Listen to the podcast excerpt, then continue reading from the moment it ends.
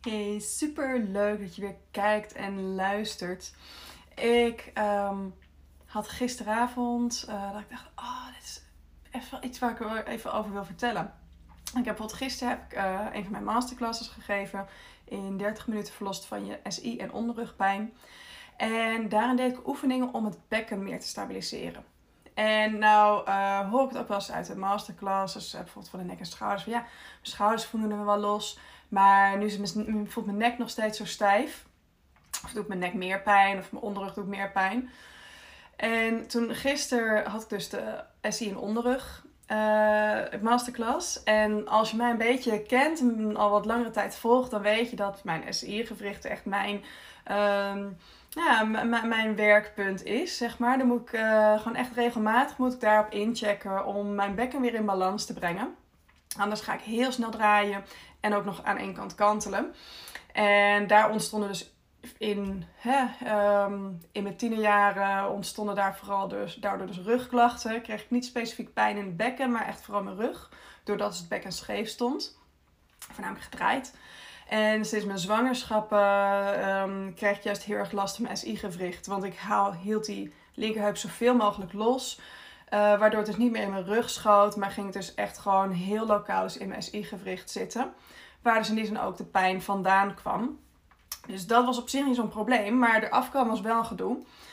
Um, en sinds ik dus bepaalde oefeningen doe en bepaalde yoga-houdingen doe, ben ik daar dus echt wel van af. Maar ik moet dat dus wel echt met regelmaat doen.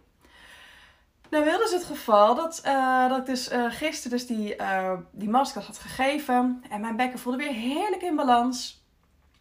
En die avond loop ik de trap af en denk, ah, mijn rechter enkel. En toen hè, viel, ja, tenminste viel me op. Um, toen kwam meteen weer dat idee boven van, oh ja, op het moment dat je aan één kant ga, en, en één lichaamsdeel gaat werken hè, um, waar een probleem zit, ja, de rest van het lichaam heeft erop aangepast.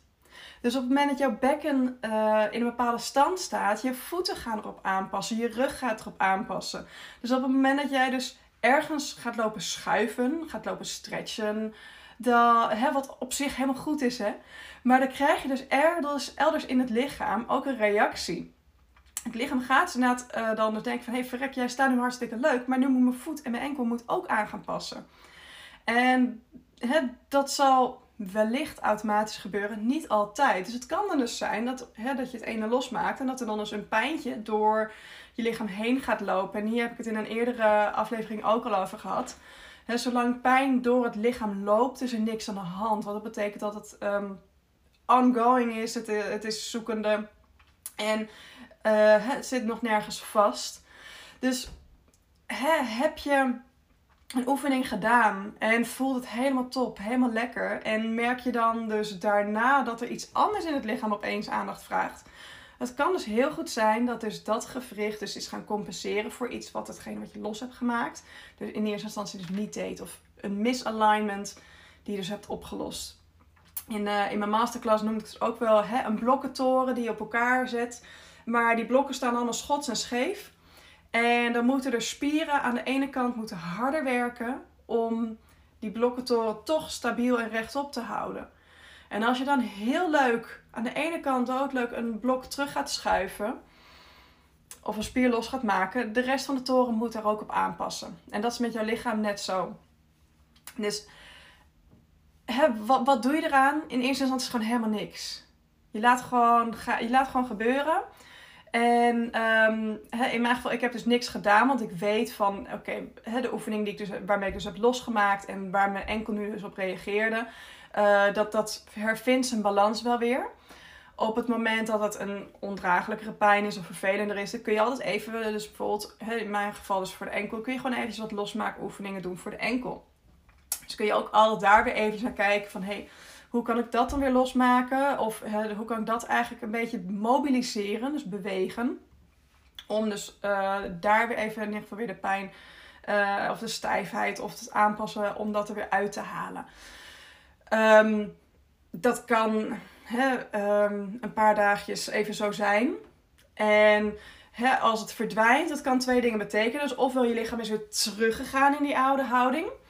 Waardoor dus uh, die pijn dus in mijn geval is in de enkel, ehm, dus oplost. Omdat dus mijn bekken weer terug schiet in de normale, normale stand. Tussen aanhalingstekens. Of het kan zijn dat dus je enkel dus het zelf weer heeft opgelost. En dus dat je dus in één keer weer recht staat. Uh, daar, dat valt van tevoren niet, ehm, niet in die zin niet uh, te voorspellen wat er gebeurt. Maar dat is wel heel vaak de reden waarom bij een uh, fysiotherapiebehandeling dat je een paar dagen heel lekker voelt en daarna weer teruggaat. Want het lichaam, op het moment dat jij uh, de rug losmasseert en daar eventueel met kraken iets rechtgezet wordt en de rest van het lichaam is daar nog niet op aangepast, dan, dan, dan schiet het gewoon heel snel weer terug. Dan, dan schiet het lichaam weer terug in zijn oude, oude patronen. En dat is wat je dus echt wilt voorkomen. Dus als je iets losmaakt, hè, wacht niet vervolgens uh, drie weken om het nog een keer te doen. Dan is het echt even zaak van doe dat een paar dagen later nog een keer. En dan heb ik het even over oefeningen die ik bijvoorbeeld geef. Hè. Dus niet dat je elke paar dagen naar de fysio gaat om je te laten kraken. Alsjeblieft niet. Um, maar hè, blijf dus dat nog wat herhalen. En als het elders komt, hou er gewoon echt rekening mee. Dat is net die, die, die schreef dat dat het eventjes moet aanpassen in de rest van het lichaam. Dus dat is helemaal niet erg. Het is helemaal niet gek. Um, geef er gewoon aandacht aan. Weet dat het even hoort bij het aanpassen. Maar hoe meer zeg maar die nieuwe stand, dus in dit verhaal van het bekken, bij jou gaat horen, hoe meer ook de rest van het lichaam dus in balans komt en dus aan zal passen aan die nieuwe stand. En dus steeds minder snel terug zal schieten. Uiteraard, als je uit training bent, ziek bent geweest, uh, heel erg moe bent, zul je weer sneller terugschieten. Maar op het moment dat je brein die neurale paden heeft gemaakt, van dit is hoe mijn lichaam nu hoort te staan en hoort te bewegen, dan zal het ook steeds sneller en sneller en sneller zo weer terugkomen. Goed, dat was hem. Even een korte check-in vandaag. En um, mocht je dus na een oefening denken van... Hé, hey, verrek, ik voel het nu ergens anders. Geen probleem, is geen alarmbel, is geen heel gek signaal. Geef het lichaam de tijd om een nieuwe balans te vinden. En heb je vragen, je bent altijd welkom um, om uh, eventjes via dit bericht een vraag in te sturen. En anders kun je ook altijd eventjes checken via mijn website. Wat uh, misschien een van mijn programma's uh, zijn om jou verder te helpen van jouw rugklachten af.